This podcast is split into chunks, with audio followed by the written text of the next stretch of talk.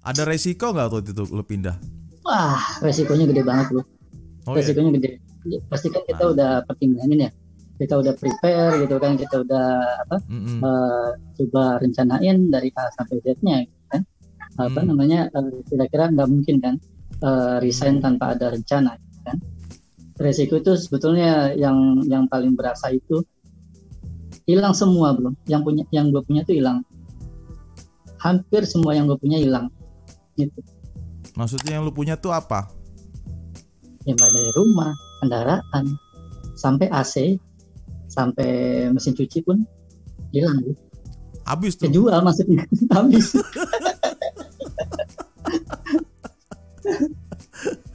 Luar biasa ya. Terus istri lu gimana itu responnya? Nah itu juga Leadership is fun. Oke, selamat malam teman-teman semuanya. Selamat datang di podcast Inspirasi Growing.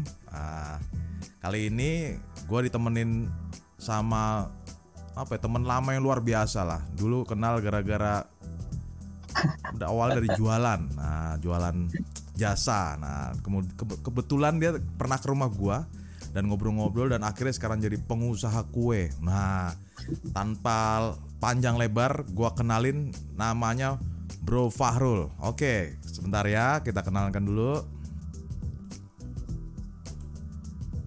Oke. Halo Bro, apa kabar Bro? halo halo apa kabar baik baik brother baik gimana di sana gimana di sana Sehat-sehat juga, gitu. Nih semenjak gua kenal dari lu, dari lu sales door to door, sekarang jadi bisnis kue ya nggak? Mantap Wah, lama banget ya, luar biasa ya.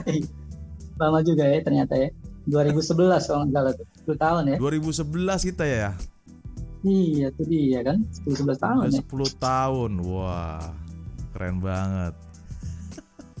nah, selamat datang ya bro. Eh, terima kasih udah hadir di Inspirasi Growing podcast ini. Nah, nah gue berharap kita berharap eh, podcast ini bisa menjadi bahan pembelajaran buat teman-teman pemirsa, ya kan? Walaupun Iya, iya. mereka punya tantangan yang berbeda atau mungkin punya goal yang berbeda, minimum mereka punya inspirasi kepada eh, mereka sehingga mereka bisa menjadi menularkan hal positif buat masyarakat dan bisnisnya. Gitu ya, Bro ya. iya amin mudah-mudahan insya Allah Oke. eh, keluarga gimana? Sehat? Alhamdulillah sehat-sehat bro sehat-sehat aja Sehat ya. alhamdulillah Wah, luar Saya juga- biasa. aman ya Hmm. Kenapa? Di sana aman ya Aman, Bro. Aman. Eh, gimana perkembangan ngomong-ngomong, gue ceritain ke gue dong. Gimana sih dari lu sales, ya kan, door to door, kemudian lu nggak usah lalu sempet jadi sales di bisnis IT gitu kan, akhirnya lu transformasi lagi di bidang kue, itu tuh gimana ceritanya? Awalnya gimana tuh? jadi tahu banyak juga loh ya ceritanya ya Jelas dong, ya kan? Ini temen gimana nggak tahu ya kan? Gila. ini ini eh, satu berkah luar biasa sih ya Eh, dari yang tadinya calon pelanggan jadi Ah. pelanggan akhirnya Hmm. sekarang jadi temen gitu kan Dulu- Oh. dulu gue nawarin gitu kan gue nawarin jasa gue nawarin eh, internet kalau nggak salah ya terus media ya dulu ya Mm-mm. ke ke lu gitu kan dan akhirnya di Iya. situ banyak banyak inspirasi yang gue bisa dapat sampai akhirnya ya alhamdulillah sekarang eh, bisa ada apa rintis usaha sendiri Hmm. itu yang itu yang nempal gue sih bro gitu jadi kayak sales door to door itu bener-bener nempal gue banget gitu nempal mental gue nempal semangat Hmm. gue gitu kan di situ gue banyak belajar gimana cara ketemu orang gitu kan gimana handle eh, orang per orang dengan karakter masing-masing itu yang gue dapat dari saat gue di apa eh, sales door to door gitu bro itu sih sampai terakhir di sales IT eh, di perusahaan Hitachi gitu kan Nah itu eh, beda lagi, beda challenge lagi karena mereka masuknya kan B2B kan eh, dari kantor ke kantor. Gitu. Nah itu challenge-nya beda lagi. Dan dari situlah perjalanan itulah yang akhirnya apa membentuk membentuk gua akhirnya sampai sekarang eh, ngerintis usaha ini. Gitu sih Bu. Hmm. Nah pertanyaannya waktu lu jadi sales door to door kan pasti lebih ke retail tuh, ya kan? Hmm. Nah waktu itu apa ya lu yang yang lu pelajari dari lu coba masuk ke ke perus- perusahaan sebelumnya tuh kayak gimana tuh? Apa yang lu pelajari dari sehingga lu bisa ada punya punya passion untuk lu tekunin di sana. Oke, oke. Kira-kira apa tuh, Bro? Jadi pada pada dasarnya gue orangnya seneng ketemu orang baru. Oh, gue seneng gitu. banget ketemu orang baru gitu kan. Nah, eh, walaupun background gue accounting gitu ya, dari se- zaman Oh, sekolah accounting. sampai zaman kuliah gue accounting gitu ya. Berat eh, banget jurusannya jauh ya. Jauh, lumayan jauh gitu kan, lumayan jauh. Eh, apa namanya? eh bisa dibilang selama gue kerja nggak pernah gue eh, di divisi accounting gitu kan. Ah, gitu jadi eh, bisa dibilang ya kepake kepake nggak kepake lah accounting itu kan akhirnya sampai terakhir gua kerja itu pun eh, 13 tahun gue di dunia sales gitu ya. Itu yang tadinya dari retail sampai B2B itu juga kan satu perubahan gitu kan. Eh, yang tadinya eh, kita nawarin langsung ke user gitu kan langsung ke orang ke orang gitu ya. Dan akhirnya berubah jadi eh, ke perusahaan ke perusahaan gitu. Dari workflow-nya juga beda gitu kan. Dari apa eh, bisnis flow-nya itu beda banget gitu. Hmm. tapi yang gue pelajarin ya itu gue seneng ketemu orang jadi ya mungkin itu salah satu passion gue ya gitu jadi eh, nggak masalah buat gue mau ketemu eh, siapa pun mulai dari eh, yang apa eh, orang bawah bisa dibilang sampai yang high level juga ya di situlah ada ada triknya sendiri gitu Hmm. Itu yang. Heeh. Nah, yang, yang menarik waktu itu eh lu kan retail terus kemudian berubah menjadi B2B. Nah, perbedaannya apa sih antara yang lu sales jualan retail sama jualan B2B? Ini kita sebelum Iya. ngomong tentang bisnis ya. Jadi gue pengen jadi pembelajaran di bidang dunia eh, penjualan tuh gimana? Apa yang membedakan apa, Bro? Tantangannya dan apa kelebihannya dan kekurangannya? Oke, jadi kalau bisa dibilang tuh yang paling parah gitu, yang paling membedakan adalah ketika kita nawarin langsung ke retail gitu ya, langsung Mm-mm. ke personnya gitu ya. Saat itu juga kemungkinan kita bisa bisa dapat eh, apa namanya eh, kepastian, keputusan gitu ya, Eh, beli atau tidaknya gitu kan, ambil atau tidaknya Hmm. gitu kan. Sementara kalau Oke. kita masuk ke dunia bisnis gitu, corporate gitu, nah itu panjang lagi tuh gitu. Setelah kita nawarin, kita belum tentu ketemu orang yang tepat gitu kan. Oh, kita jadi mesti orang cari orang yang proses penjualan dulu. lebih panjang ya, Bro, kalau B2B ya, Bro? Mm-mm, lebih panjang Oh. lebih panjang. Jadi kalaupun udah ketemu orang yang tepat gitu, misalkan Ah. kan di perusahaan tuh beda-beda ya. Yang menentukan itu uh, bisa dari sisi uh, purchasing-nya, ada yang Hmm. menentukan itu di sisi usernya gitu, IT-nya misalkan gitu. Nah itu beda-beda tuh bro gitu. Hmm. Dan kalaupun udah ketemu orang yang tepat, nanti kembali lagi uangnya ke mana nih gitu. Adanya uang di perusahaan itu di mana? Apakah di accounting kan? Apakah di purchasing kah gitu? Budgetnya itu ada di mana?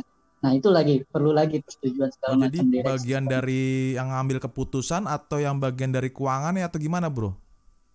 Nah itu, jadi eh, setiap perusahaan beda-beda. Ada yang punya uang tapi dia nggak bisa memutuskan. Ada yang bisa memutuskan tapi dia uangnya harus ke divisi lain. Beda-beda bro, Oh. gitu. Jadi lo mesti tahu tuh kalau lo jualan ke apa eh, korporasi gitu ya, lo mesti tahu duitnya tuh ada di mana. Gitu. Hmm.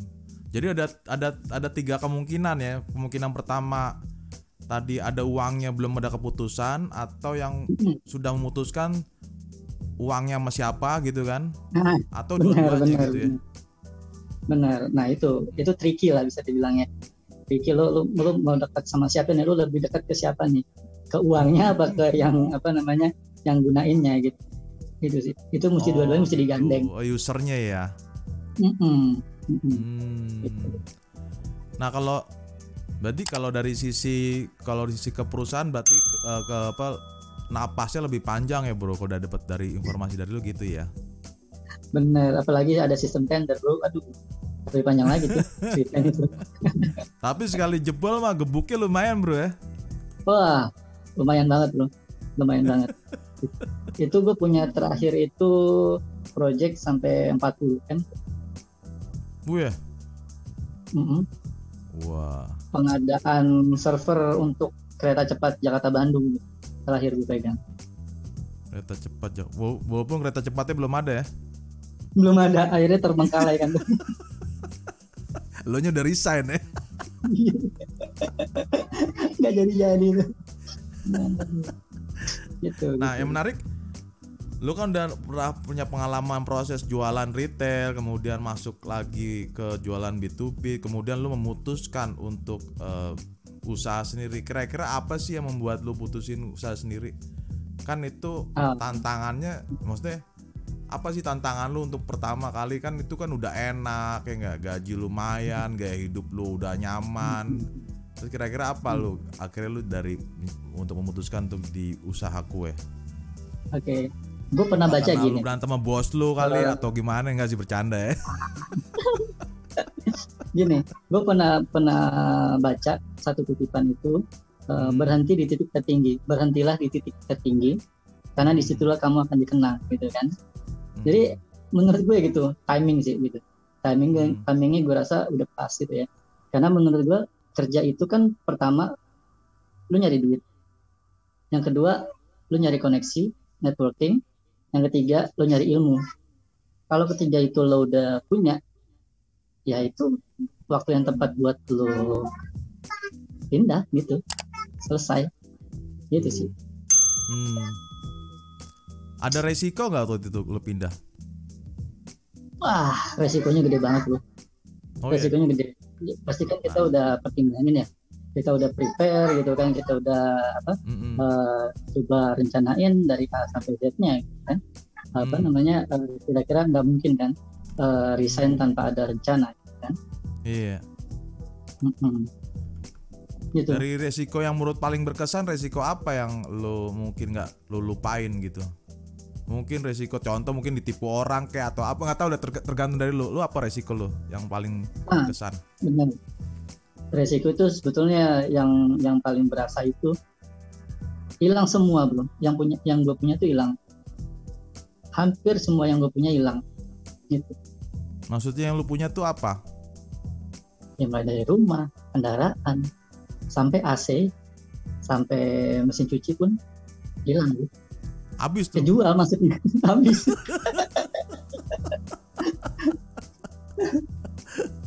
luar biasa ya Hmm. nah yang menarik oh, kan artinya kan lu dari udah lu ma- udah banyak aset yang hilang terus istri lu gimana itu responnya Nah itu juga begitu semua udah hilang gitu ya. Udah udah udah kayak kayak dicuci bro. Kalau menurut itu Hmm. kayak dicuci lagi harta-harta yang bersih harta-harta yang kotor tuh diambil lagi gitu gue bersyukur banget dicucinya itu saat gue masih hidup gitu nggak kebayang kalau dicucinya itu nanti di akhirat gitu kan Hmm. challenge keduanya adalah ya itu eh, ya namanya pendamping ya pendamping itu kan eh, gimana bikin mereka nyaman gitu kan ketika kita punya punya segala sesuatunya ya mereka akan nyaman pasti. Tapi ketika Hmm. kita nggak punya lagi nah itu. Bisa nggak kita tetap menenangkan hati mereka? Gitu menenangkan hati mereka meyakinkan hati mereka bahwa ya ini proses. Balik lagi proses dari nol eh, kita bisa lihat sama-sama lewatin. Itu challenge juga bro. Salah satu resiko yang terbesar itu. Bisa aja bisa. Kalau misalkan pasangan itu nggak kuat ya bisa aja mungkin mereka ninggalin kita gitu Iya. Jadi artinya yang bikin berjuang, yang berjuang pun nggak hanya diri lu sendiri, tapi pasangan Hmm. pun berjuang ya. sama betul betul nggak mungkin gue bisa sendiri lah Iya iya. Artinya peran pasangan itu sangat besar juga ya dalam perjuangan lu dalam bisnis ya. pasti pasti Oke, Itu dia. banyak kok banyak teman-teman yang apa eh, pengalaman ya pengalaman dari teman-teman Hmm. gue yang begitu desain mereka eh, keluar dari zona nyaman lalu keluarga mereka juga berantakan banyak tuh Oh ya? banyak banyak banget banyak banget Hmm. Eh, kalau kalau gue punya komunitas lagi ya selain kulineri gue ada komunitas itu eh, yang mereka eh, teman-teman hijrah bro gitu. banyak kan yang dari perbankan gitu ya yang dari leasing dulunya nah Hmm. itu banyak yang coba hijrah eh, ya itu akhirnya mereka mempertaruhkan keluarganya gitu Oh gitu. tapi alhamdulillah alhamdulillah gue gue masih aman-aman aja Iya iya iya. Ya mungkin berarti artinya lu ini dong. Alhamdulillah mempunyai istri yang tepat ya. nah, iya, duka alhamdulillah ditemenin ya. itu dia bisa bro zaman sekarang gitu.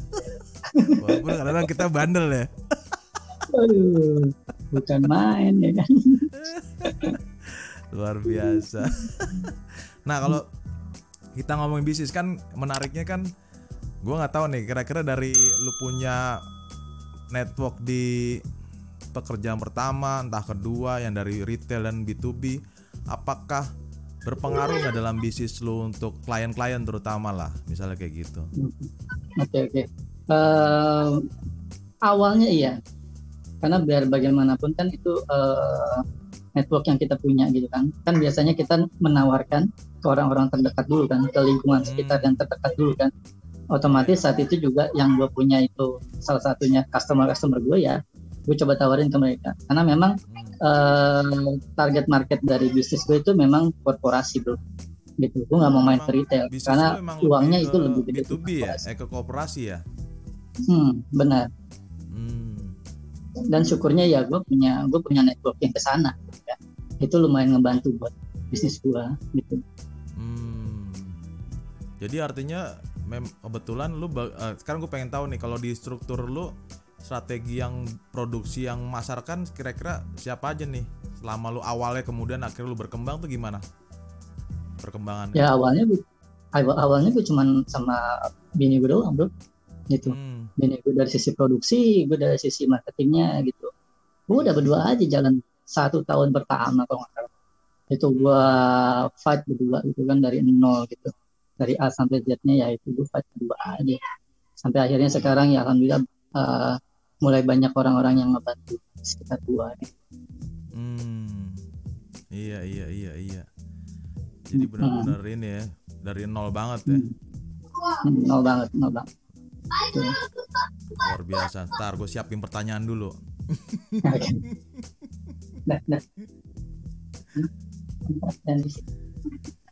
nah, pertanyaannya gini, kalau menurut ngomong-ngomong kan lu berarti artinya ap- kap- sejak kapan sih lu menemukan potensi lu? Yang menarik kan kita belakang lagi dari lu mulai dari lu backgroundnya accounting, terus akhirnya lu banting setir ke profesi di dunia penjualan tuh kira-kira kapan lu menemukan potensi lu tuh bro? Itu menarik tuh. gue nemuin gini lucunya ya ketika gue masih semester 4 kalau nggak salah. Itu Hmm. gue diajak ngelamar sama temen gue itu ternyata ngelamarnya tuh ke ke Citibank. Ke outsource-nya Citibank gitu salah satu bank lah ya bisa dibilang salah satu bank eh, apa swasta gitu ya. Saat itu paling keren gitu ya. Saat itu paling keren. Gue di situ gue sebentar bu sebentar Iya, iya.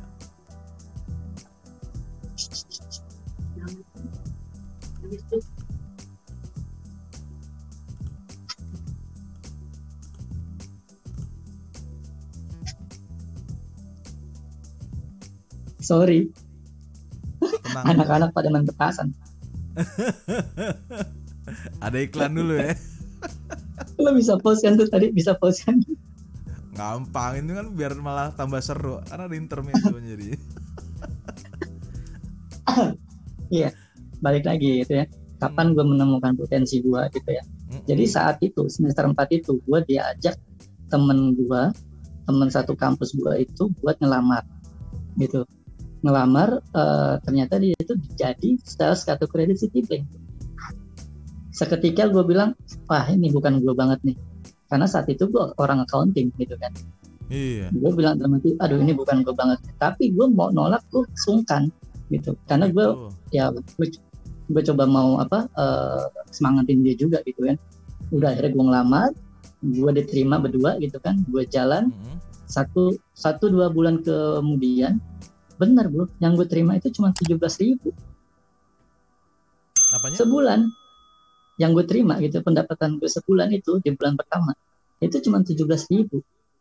Oh karena closing dapat tujuh belas ribu. iya. Saat itu tuh tujuh belas ribu satu kartu tujuh belas ribu gitu kan. Dalam hati gue tuh kan bener gak ada duitnya gitu kan. Karena saat itu gue ngeliat sales itu sebelah mata gitu kan. Iya benar. gue ngeliat sales itu sebelah mata sampai akhirnya gue ketemu satu orang gitu satu orang eh perawakannya mi- mirip-mirip gue gitu kecil juga. Udah gitu loh kok mereka kok dia bisa bisa penghasilan tuh sampai 30-an juta tuh itu tahun 2015 Oke. tahun 2005 eh 2015 2005 sorry. 2005 sampai 30 juta gitu. Wah ini ada yang mesti gue ambil ilmunya nih gitu kan. Akhirnya gue Hmm. ngobrol gue sok kenal gue ngobrol gue ajak jalan gitu kan. Cara kerjanya gimana gue cari tahu. Ya akhirnya bener ternyata yang gue lakuin selama dua bulan kemarin itu salah Oh. gue coba apa gue coba tiru gitu kan gue coba tiru alhamdulillah akhirnya lumayan tuh. kebeli motor satu Hmm. gitu itu tahun 2015 gitu. nah dari situ gue merasa wah anjir sales ini enak banget ini gue gitu Hmm. dari situ gue dari 2015 itulah gue ngerasa wah kayaknya gue asik di sales ini gitu. Jam kerjanya santai gitu kan gue ketemu banyak orang baru duitnya lumayan Hmm. gede nah dari situ gue nggak mau lah gitu jadi accounting jadi HRD segala macam gue nggak mau lagi jadi sampai terakhir pun di sales gitu Hmm. Jadi artinya ada pembelajaran bahwa lo memutuskan di sales karena yang mesti diperbaiki dari sisi pola kerjanya gitu ya. Dan lo Hmm. coba untuk Mindset pendekatan belajar sama orang yang berhasil gitu ya. Benar mindset juga salah tempo hari kan sebelumnya kan salah kan karena gue belum coba tapi gue udah udah nganggap itu sebelah mata kan gitu ternyata begitu gitu. dicoba gitu asik ternyata bro Lo padahal Iya. kan lo udah nyoba kan. Waktu itu nyoba waktu itu dapat 17 ribu kan akhirnya. Ah, Yang itu membuat bukan nyoba itu kenapa? itu bukan nyoba gitu artinya eh gue gue ngelakuin tapi gue gak ngelakuin apa apa gitu gue ngelamar tapi gue gak ngelakuin apa apa gitu sekedar Oh. jalan ikutin temen gitu udah gue nggak nawarin gitu ya gue nggak coba kasih triknya gimana gitu udah gitu Oh artinya Hasilnya yang juga hasil kecil itu yang itu dikarenakan memang uh, usaha lo itu tidak maksimal ya sehingga emang hasilnya Benar. begitu ya. Benar, mungkin benar. mindsetnya belum berubah tadi seperti lo bilang ya. Mm-mm. Begitu. Hmm, Oke, luar biasa tuh bro. Nah sebentar, nyontek lagi ini kita baru podcast pertama kali jadi gue butuh nyontek pertanyaan. Selalu. Oke. Nah, kalau dari sisi kira-kira apa sih yang eh, pembelajaran hal positif apa sih kalau lu dapet dari eh, terutama dalam ini kita ngomongin di bidang sales karena kita coba lu eh, karena eh, bagi gua pribadi modal utama kita dalam bisnis kan sales juga nih ya enggak Ya, karena benar, kalau benar. nggak kita kalau kita nggak eh, punya pengalaman pengalaman di bidang penjualan juga tantangannya lumayan besar gitu kan nah Hmm. pertanyaan gua pembelajaran apa sih terutama untuk di bidang sales yang lu lu dapet sehingga akhirnya lu bisa berani memberanikan diri untuk masuk ke dunia bisnis padahal bisnis kan lebih kompleks lagi tuh bro Hmm. Benar, Ya, benar. nggak benar. hanya nggak hanya sales kan ngurusin kalau di kue kan ngurusin ibu-ibu yang bikin kuenya Hmm. kata lo kata kagak gampang kan gitu ya ibu-ibunya belum ter macam-macam kira-kira apa pembelajaran apa dulu nih yang lu dapat Dari ya. pengalaman gue di sales itu ya, ah, gue coba terapin di usaha gue tuh eh, itu adalah kita nggak boleh jualan dengan satu cara hmm, gitu. hmm, Jadi eh, eh, sekarang nih di dunia digital gitu ya, hmm, itu mm, membuka peluang kita lebih besar gitu. Kalau zaman dulu itu kita jualan mesti di tempat yang strategis, mesti di tempat yang bagus, mahal. Tapi sekarang bisa dibalik gitu kan. Lu jualan di rumah juga bisa gitu. Eh, karena sekarang ada ada online food gitu kan. Itu. hmm, hmm. Lalu yang kedua eh, yang tadi gue bilang eh, korporasi itu jualan nggak cuma di retail tapi juga di korporasi. Jadi pengalaman gue di sales itu akhirnya ngebuka pola pikir gue bahwa bisnis yang gue jalanin sekarang ini jangan mati di satu channel penjualan. Gitu. Hmm. Jadi artinya yang lu dapet di era digital ini banyak distribusi channel yang bisa di kita kembangkan gitu bro ya. Benar, Kalau benar Kalau banget. zaman benar. dulu kan lebih banyak tempat strategis yang sangat menentukan eh, laku enggaknya gitu kan. Mm-mm, Dia benar. tempatnya keren dulu baru bisa berkembang. Sekarang Mm-mm. dengan adanya channel-channel dari distribusi channel marketing lewat digital lebih terbantu ya bro ya.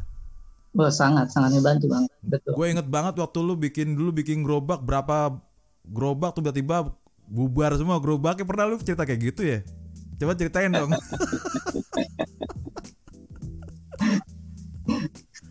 Iya, jadi eh, itu kalau nggak salah menjelang tahun kedua, tahun kedua usaha gue jalan Oh, gitu tahun ya. kedua benar benar benar.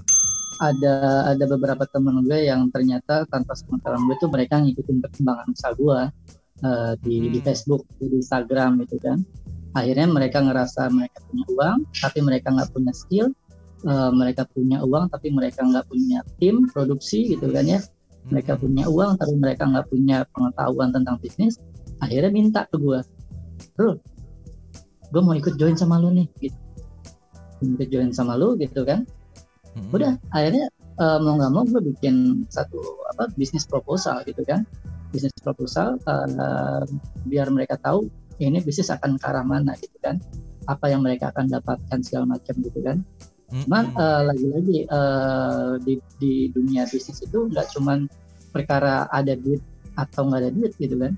Karena Mm. ternyata gitu ya eh, ada sebagian orang punya duit tapi mereka nggak punya keberanian, mereka nggak punya mental gitu. Jadi ketika bisnis mereka baru baru jalan satu dua bulan, ekspektasi mereka langsung pengen dapat eh, apa namanya untung. eh, margin besar gitu ya, Mm-mm. eh, mau dapat keuntungan besar ya realitanya berbeda gitu kan realitanya mereka harus eh, mau pelan-pelan sampai akhirnya growing gitu kan tapi Betul. mereka akhirnya nggak sabar ya udah gerobak-gerobak yang mereka apa namanya yang udah bikin di awal kan ah, itu kan udah kayak satu satu paket gitu kan paket ah, beserta gerobaknya gitu kan ya udah akhirnya terbengkalai udah Hmm. bubar aja gitu Hmm. Artinya mereka suka bisnis tapi mindsetnya belum tepat ya gitu ya bro ya ceritanya gitu ya. bisa jadi gitu. Eh, mereka maunya serba instansi gitu. Kebanyakan eh, teman-teman di luar itu pengen usaha gitu ya. Eh, mungkin mempersiapkan manakala mereka resign gitu ya, manakala mereka ya bisa dibilang retire nanti gitu kan. Tapi ya itu mereka kebanyakan yang masih maunya instan. Hari ini invest, besok mau langsung dapat hasil gitu kan. Sementara bisnis kan bukan kayak gitu.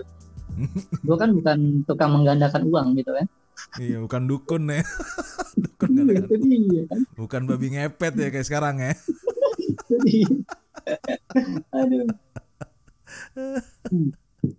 Oh, akhirnya eh, apa? Itu kan dulu kalau kalau nggak salah gua tahu kan lu bikin kayak sejenis partner gitu lah ya. Iya, Nah partner yang tahun kedua itu akhirnya ada yang bertahan kah atau rontok semua tuh bro ceritanya waktu itu? eh, jadi gue sempat punya itu 11 outlet tuh. Mm-mm, 11 oke. outlet. Dari 11 itu eh, punya gue 4, selebihnya itu ada partner gitu ya. Nah, itu Hmm. macam-macam gitu. Macam-macam. Ada yang karena memang mindset mereka atau ekspektasi mereka terlalu tinggi gitu ya. Ada yang memang apa namanya? Yang tadi di awal lo bilang ada yang niatnya kurang baik gitu ya. Akhirnya gue ditipu gitu kan. Beda-beda macam-macam hingga akhirnya terakhir banget itu ada di sebelum pandemi gitu ya. Sebelum pandemi itu eh 2000 berapa ya? 2020 awal lah. Mm-mm. itu rontoknya terakhir. Maksudnya rontoknya tuh yang tadi yang outlet-outlet itu. Mm-mm. outlet itu yang yang partner gue ya yang yang punya partner. Ya itu akhirnya rontok dengan sendirinya. Hmm, apalagi pandemi ini lebih challenge lagi ya kalau yang nggak punya nah. nyali atau punya apa istilahnya ya mental bisnisnya nggak kuat rontoknya cepet banget ya bro ya? Oh, parah parah. Tapi syukurnya eh, ketika pandemi ini alhamdulillah gue gue single fighter lagi gitu. Udah nggak ada partner lagi. Gue kebayangnya kalau misalkan saat pandemi ini sulit gitu ya masih ada partner ya itu akan lebih berat juga buat gue kayak lebih rasa tanggung ya. jawabnya gitu ya. Itu lebih berat lagi sih. Iya kan? sekarang ada outlet yang offline atau gimana sekarang ini yang yang lu sekarang lagi posisi lu sekarang ini gimana? Iya kan ada apa eh, empat outlet gitu ya di offline tapi ada online-nya juga gitu. Hmm, tetap ada kayak online juga ada setiap outlet. Oh gitu. Mm-mm. yang kontribusi terbesar out offline atau online bro selama pembelajaran dari masa pandemi ini total keseluruhan ya dari zaman dari dari awal lah dari awal gue di sini Hmm. terbesar itu ada di korporasi masih Hmm. bisa dibilang bisa dibilang tuh eh, 40% lah itu di korporasi selebihnya itu kayak ya dari online food ya Eh, sekarang kan ada yang warnanya hijau ada yang warnanya oranye gitu kan ya terus Hmm. juga ada pengunjung gitu ya Hmm. itu sih palingan sama di dari sosial media gitu tapi kalau dibilang persentase terbesar kontribusinya itu penjualan dari korporasi mas. Hmm. Dan penjualan korporasi itu dari eh, networknya dari lu ya? Apa gimana? benar ada yang masih ada yang masih gunain kue gua eh, dari temen lama gitu ya. Dulu dulu saat gue jadi sales. Tapi ada juga yang banyak juga yang baru-baru gitu. Entah itu mereka ngelihat dari Google gitu ya entah mereka juga referensi dari temannya gitu kayak gitu sih bro Hmm. Wah luar biasa dong. Hei, gue di tahun bahkan gue di tahun awal ya, di tahun awal Ah. gue buka ini, buka bisnis ini, itu bukan Uber juga, bawa Uber gitu. Maksudnya? Gue waktu zaman masih ada Uber tuh 2015, ya gue narik Uber gitu. Gue narik Uber demi apa? Demi eh, sekalian promosi ke penumpangnya. Jadi tiap kali ada penumpang masuk gitu ya, Oh iya lu Gua ini tawarin Uber yang dulu. mobil itu ya? Lu sempet ya? sempet Iya, setahun iya, setengah gue bawa gitu. Iya iya. di situ gue bawa kue gue gitu ya di situ gue bawa apa kartu nama gitu. berharap penumpang gue itu akan jadi pelanggan gue gitu Namanya sales mah apa ya disikat ya bro Hmm. strateginya ya. itu dia aduh ya bersyukur lah Nah ngomong-ngomong lu katanya lu bikin komunitas. Gimana sih itu apa yang lu coba bikin bro komunitasnya? ah benar benar Hmm. komunitas itu gue bikin tuh September 2019 gitu 2019 eh 2019 salah 2020 September 2020 Hmm. Nah itu jadi gue kayak ngerasa kan lumayan punya banyak teman-teman yang juga pelaku usaha tuh, gitu kan. Hmm. Begitu pandemi ini, wah mereka terdampak banget gitu. Bukan cuman gue gitu ya, tapi mereka juga terdampak banget. Eh, pelaku usaha kuliner terutama gitu kan, karena eh, nama komunitas gue kulineri gitu, Hmm. komunitas eh, pengusaha kuliner Indonesia gitu. Hmm. nah, Jadi kayak ada apa ya? Kalau gue cuman dengerin keluhan teman-teman, gue cuman dengerin, gue cuman dengerin, itu akan ada efek negatifnya juga kan ke gue ya, gitu kan? Satu saat Lumayan. itu karena, ah, ah, karena misalkan udah Iya. terlalu sering mendengar keluhan, gue khawatir gue juga bakalan ngeluh gitu, ya kan? Tapi nggak ada solusi gitu. nah, Hmm. Akhirnya gue kepikiran kalau gue ikutan ngeluh gitu ya terus apa bedanya gue sama komunitas nih ya karena ber- berlandaskan dari kepedulian ya. Karena gue pengen tuh eh, kita bisa saling berangkulan lah ya. Untuk saling menguatkan gitu pelaku usaha kuliner ini gitu. Karena mungkin bisa jadi eh, kalau cuma sendiri ya nggak terlalu optimal gitu kan. Tapi kalau ada eh, sekumpulan orang insya Allah itu akan lebih kuat gitu. Saling menguatkannya itu di situ. Gitu. Iya. Jadi artinya komunitas tuh kalau setahu gue tuh konsepnya seperti api unggun ya nggak? Api unggun tuh kalau dikumpulin baranya itu bisa membara. Tapi kalau baranya dipisahin satu, kalau banyak tantangan lemes kan jadi baranya kurang tuh. Nah caranya biar Mm-mm. semangat kumpulin lagi ya jadi api unggun lagi Benar. gitu ya. benar benar benar benar Hmm, hmm. ya kayak gitulah kurang lebih ya nah di situ juga di komunitas itu gue juga coba eh, ada beberapa program gitu ada beberapa program contoh gitu ya Eh, karena gue gue gue tahu banyak teman-teman gue itu yang usahanya lagi sepi gimana caranya gue bisa bantu mereka promosi produk mereka usaha mereka? Caranya gimana gitu ya? Misalkan eh, setiap hari Sabtu dan Minggu itu ada hari berniaga. Jadi satu sama lain itu dipersilakan diperbolehkan untuk post di di di grup itu produk mereka gitu ya. Dengan harapan eh, ada teman-teman yang membutuhkan satu saat bisa order dari dia beli dari dia nah setelah mereka post foto produknya gue bantu repost lagi. Gue bantu repost di Instagram di Instagram kulineri dengan harapan ya makin banyak orang yang melihat produk teman-teman kita gitu. Bukan cuma itu gitu. Di kulineri juga kita uh, ada namanya channel YouTube kita namanya Kulineri Indonesia. Hmm. itu kita uh, ada ada jadwal liputan. Kita ada jadwal liputan tiap minggu datang ke tempat uh, restorannya teman-teman kita liput kita review kita angkat kita unggah ke channel YouTube itu. Hmm. gitu. Jadi uh, ya dengan dengan harapan juga bisa ngebantu mereka juga gitu kan. Bisa ngebantu teman-teman itu usahanya lebih kenal orang gitu ya. Hmm. nextnya akan terdampak ke penjualan mudah-mudahan gitu. Akan bangkit lagi penjualannya gitu angkat lagi. Itu sih Oke.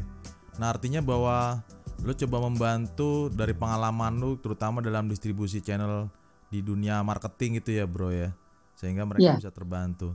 Nah, menarik kalau Benar. dari lu punya komunitas kira-kira yang paling terbesar apa sih kendalanya, Bro, kalau banyak curhatan gitu tuh, Bro?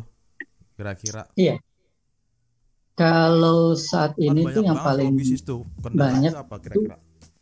penjualannya menurun penjualan hampir semua teman-teman itu penjualannya menurun baik itu penjualan di uh, offline gitu ya pesanan maupun penjualan di online gitu kayak Hmm. ya pakai aplikasi gitu itu semua menurun sekarang gitu itu Menurun. kendala terbesarnya Artinya itu problemnya menurun karena emang kondisi yang ada atau apa atau karena memang tim dari sisi internal atau eksternal sih pengaruhnya gimana? Nah, itu setiap orang itu akan beda-beda. Eh, problemnya dari mana, akarnya itu akan beda-beda. Ada bisa jadi dari internal mereka. Contoh apa? Kalau misalkan sekarang kita jualan di online food di aplikasi, otomatis kan yang pertama kesan pertamanya itu dari visual dulu kan. Orang ngebeli itu kan dari visual gitu kan. Yo, ah. Yang ada satu bakso A, ada lagi satu bakso B gitu ya. Orang akan ngelihat nih tampilan mana, foto mana yang paling menarik gitu kan Mm-mm. ada sebagian teman yang memang belum aware di situ, belum Hmm. ngeh bahwa itu akan meningkatkan penjualan. Maka dari itu kita coba edukasi juga. Kita coba Hmm. eh, ada ada ada jadwal sharing session gitu ya setiap Kamis itu eh, kita edukasi juga. Kenapa nih penjualan menurun? Bisa jadi karena yang tadi saya bilang, yang tadi gue bilang gitu ya. Bisa jadi eh, foto produknya kurang menarik di aplikasi gitu kan atau bisa jadi mereka hanya mengandalkan satu penjualan aja, satu channel penjualan. Misalkan mereka oke udah udah ada di GoFood gitu ya. Udah di GoFood aja yang diandelin. Tapi dia lupa ada potensi lain di luar sana. Gimana? Misalkan dibikin Google eh, bisnisku misalkan. Itu akan banyak orang yang lihat di Google bisnisku gitu kan. Ada kemungkinan orang juga bisa cari tahu bisnis kita Hmm. apalagi kita buka lagi di sosial media gitu banyak mereka yang juga belum ngeh sama sosial media. Kita coba edukasi lagi bikin Instagram bikin fanpage di Facebook gitu. Macam-macam belum yang terakhir pasti ada yang dari eksternal yang mungkin kita nggak bisa apa yang nggak bisa handle gitu ya. Daya beli masyarakat gitu kan. Hmm. kalau udah udah ngomong daya beli masyarakat ya kita bisa apa gitu kan. Gitu kan. Palingan itu aja sih. Hmm. Artinya ada yang bisa kita kendalikan internal, ada yang bisa tidak kita kendalikan dari eksternal gitu ya, Bro ya. Iya, benar. Nah, Kalau udah masalah daya beli gitu kan, itu kan udah udah sulit ya gitu kan. Palingan kita bisa bisa bikin bundle paketan gitu kan. Hmm. Itu salah satu sa- apa strategi juga tuh gitu. Misalkan dia beli dia jual minuman, ya coba ditambah sama snacknya gitu kan. Misalkan dia Hmm. eh, makanan berat, coba tambah sama minumannya. Kayak gitu gitu sih. Strategi-strategi ringan kayak gitu sebetulnya yang lumayan ngefek akhirnya. Hmm. Artinya bahwa dengan adanya kondisi saat ini teman-teman UMKM tuh dituntut untuk kreatif ya, Bro ya. Mm-mm, benar, Walaupun harus itu. rasanya sedih ya, tapi tetap harus kreatif gitu ya. Betul, betul. Karena yang akan bikin kita survive itu kan ya kreativitas itu. Gitu. Iya.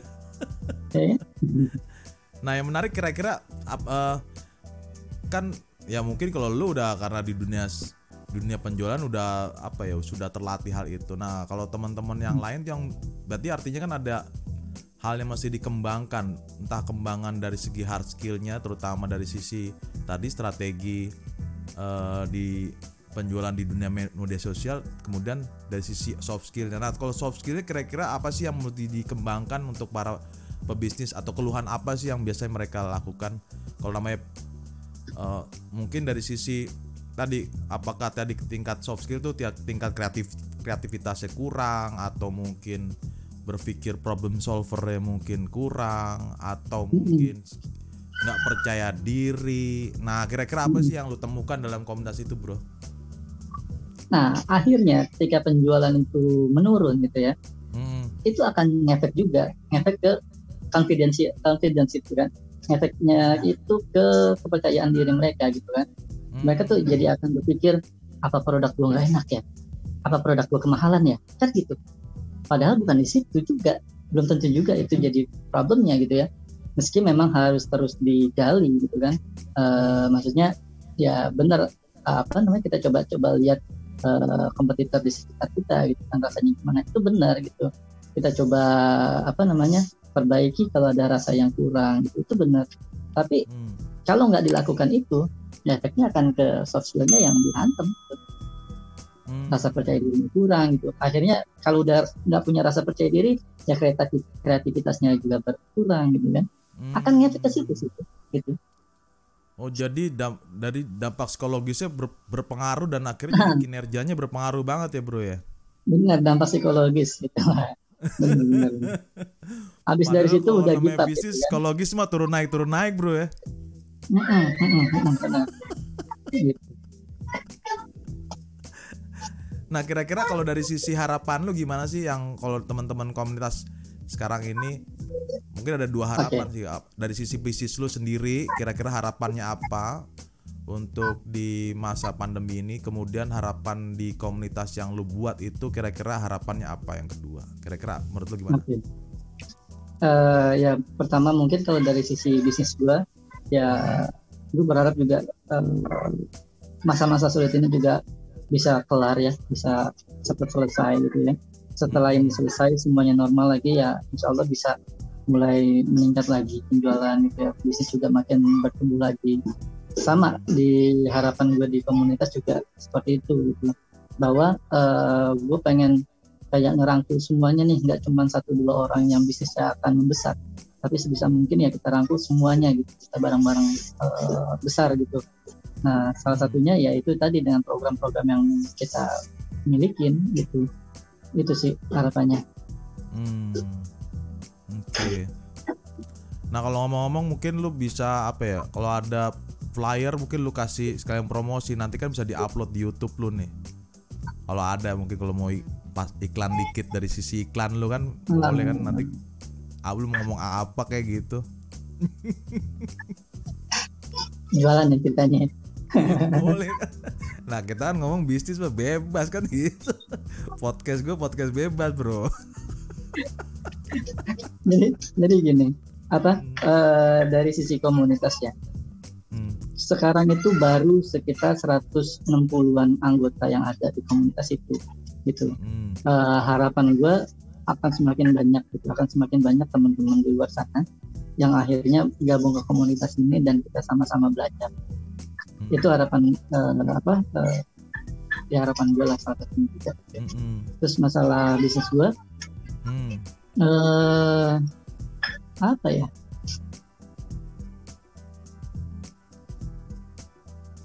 gue nggak nggak terlalu itu ya maksudnya eh nggak nggak mau terlalu promosi di sini lagi bisnis gue ya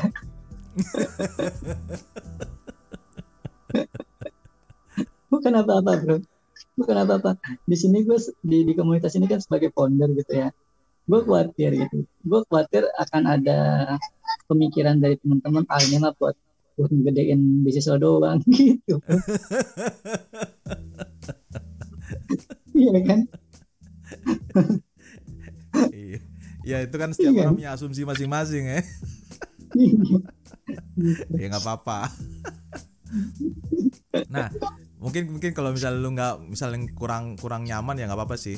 Nanti kita coba obrolin lain. Nah, kira-kira gini eh, kalau ngomongkan tadi penjualan kalau dalam bisnis ada nggak sih masalah di SDM nih bro? Nah, kita coba kupas. Kira-kira Iya.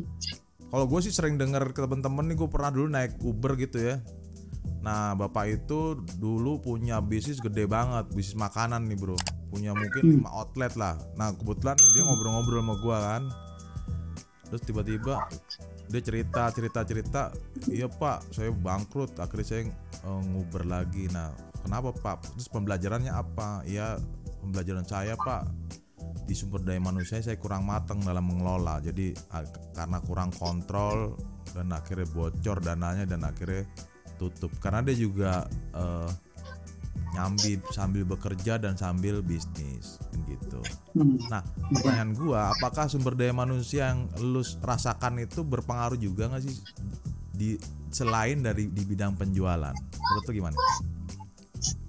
sumber daya mas- manusia itu sebetulnya bisa dikontrol dari awal ketika lo interview gitu. Lalu di situ tahu eh, yang lu cari itu orang seperti apa, kualifikasinya kayak gimana gitu ya. Eh, lu yang tetapin sendiri gitu ya. Dan juga akan ada eh, sesi interview kan. Jadi dari sesi dari sesi interview itu ya kita harus benar-benar screening banget tuh gitu. Jangan sampai eh, kita masukin orang yang salah ke bisnis kita gitu. Nanti akhirnya kalau kita masukin orang yang salah ya akan kayak gitu akan gerogotin diri kita sendiri akan gerogotin bisnis kita sendiri gitu. Jadi eh, screening atau eh, saringan paling paling awal itu ada di eh, sesi yang interview gitu. Sama kita tetapin kualifikasinya. Jangan melenceng dari kualifikasi itu gitu. Misalkan lo buat eh, apa namanya untuk chef gitu misalkan. Chef harus udah punya pengalaman setahun udah bisa masak ini itu gitu kan yang kita perluin eh tiba-tiba datang orang yang melas-melas gitu kan dia nggak punya kapasitas yang lo butuhin akhirnya lo terima nah ujung-ujungnya bisa bisa jadi ya bisa jadi akhirnya ya lo sendiri yang susah gitu Hmm. Hmm. di situ alhamdulillah sih sekarang eh gue nggak terlalu punya masalah serius di SDM gitu Hmm. eh eh, alhamdulillahnya gue ketemu eh, orang-orang yang baik gitu. Orang-orang yang bisa gue percaya orang-orang yang bisa bisa bareng-bareng belajar gitu. Hmm. Eh, kalaupun ada satu dua itu ya gue anggap angin lalu aja. Gue Hmm. anggap pelajaran uh, besok jangan kayak gini lagi kayak gitu. Eh, dan itu akan akan makan makan fokus lo gitu.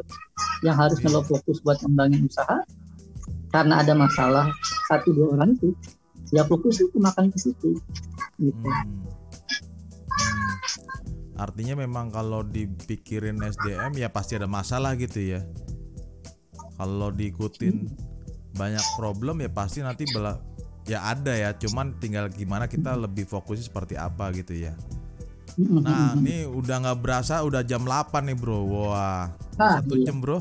Waduh, asik juga yang ngobrol Nanti biar berasa ya. Jadi gini, kan udah teasernya udah tentang SDM nih. Mungkin nanti teman-teman yang lain kita bisa apa artinya gini bahwa teman-teman UMKM pernah merasakan tentang problem SDM. Nah, nanti kita akan coba ngobrol-ngobrol lebih dalam lagi mungkin di podcast berikutnya tentang Boleh. SDM gitu kan. Kita akan Boleh. kupas gimana caranya ngelola SDM dengan bagus sehingga kita sebagai UMKM udah dari awal sudah mengelola dengan baik sehingga pada saat berkembang bertumbuh bisa lebih oke gitu ya. Boleh, Itu siap sebagai apa ujung tombak juga dalam SDM oke nah Betul. untuk eh, apa kira-kira eh, untuk pesan-pesan inspirasi apa sih untuk di sesi ini kira-kira apa yang coba lo sampaikan itu yang pertama yang kedua pembelajaran apa sih dari hasil diskusi yang kita coba lakukan pada hari ini mungkin dua pertanyaan itu bro silahkan dijawab bro Oke, kalau yang apa ya? Eh, menurut gue gini, lu bangun usaha jangan buat kaya. Hmm. Kalau lu cuman bangun usaha buat lu kaya, itu akan berat banget gitu. Tapi coba lu bangun usaha lo itu buat manfaat ke orang lain. Hmm. Dengan pola pola kayak gitu, dengan konsep kayak gitu ya, lu akan banyak dimudahkan nanti Hmm. gitu. Ujungnya kaya ya itu bonus gitu. Hmm. Itu itu yang menurut gue eh, kena banget. Terus yang kedua eh, dari dari podcast ini gitu ya, ya gue seneng sih gitu. Eh, ternyata di luar sana tuh ada ada temenku yang perhatiin juga gitu. Ada yang perhatiin perkembangan gue juga gitu bro. itu. ya kita kita sempet lah ya. Kita sempat coba uh, sekali dua kali ketemu buat bahas uh, konsep apa ya untuk bisa saling support gitu kan ya. Iya. Cuman betul, ya betul. belum belum jalannya gitu kan. Nah, ya, kalau misalkan kita sekalian- ya udah usaha kan, yang penting jalin relasi tetap berjalan kan gitu. Bener.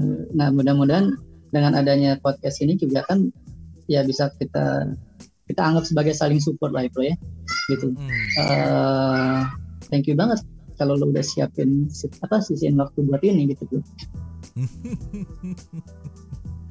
Ya karena apa podcast ini kan namanya inspirasi bahwa inspirasi itu bisa kepada siapa saja, kepada eh, ke mana aja gitu. Enaknya kan di era digital ini kan orang belajar itu nggak harus mesti orang-orang yang sudah terkenal, tapi orang-orang di mana pun dalam kehidupan sehari-hari itu bisa kita belajar kan gitu. Nah semoga Benar, dengan kita bisa eh, saling diskusi ini, kemudian ada teman-teman kita yang lain bisa mendengarkan dan membawa insight yang didapat. Nah itu sebagai pembelajaran juga buat mereka kan gitu. Mudah-mudahan bisa. Amin. Oke, luar biasa Siap. bro. Farul, Thank you. terima kasih. Thank Nanti you, bro. kita akan coba janjian lagi. Kira-kira pembahasan apa Siap. yang kita coba bahas. Kemudian kalau memang mungkin ada satu teman komunitas yang mungkin bisa pengen apa salah satu perwakilan dari komunitas mau ngobrol-ngobrol di podcast ini, bol- boleh monggo. Nanti kita coba. Boleh. Mungkin ke depannya kita bisa langsung live streaming aja, nggak usah direkam lagi kan, bro? Kan udah udah nyantai kan lo? Iya iya iya iya. videonya lu rekam bisa Oke, diupload ke tempat lu juga kayak gitu. Siap siap. Anytime Sip, kapan aja. Oke. Siap. Oke, gue coba sapa dulu ke pemirsa dulu ya sebentar ya. Monggo monggo monggo.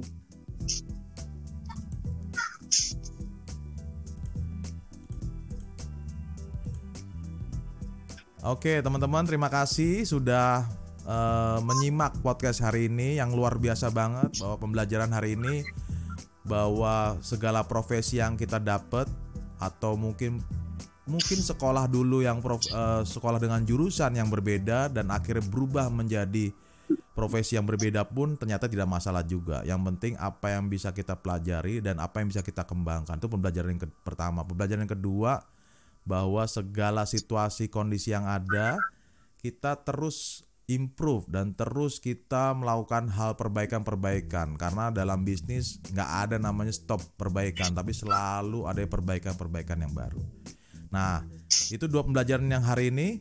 Eh, terima kasih Bro Fahrul.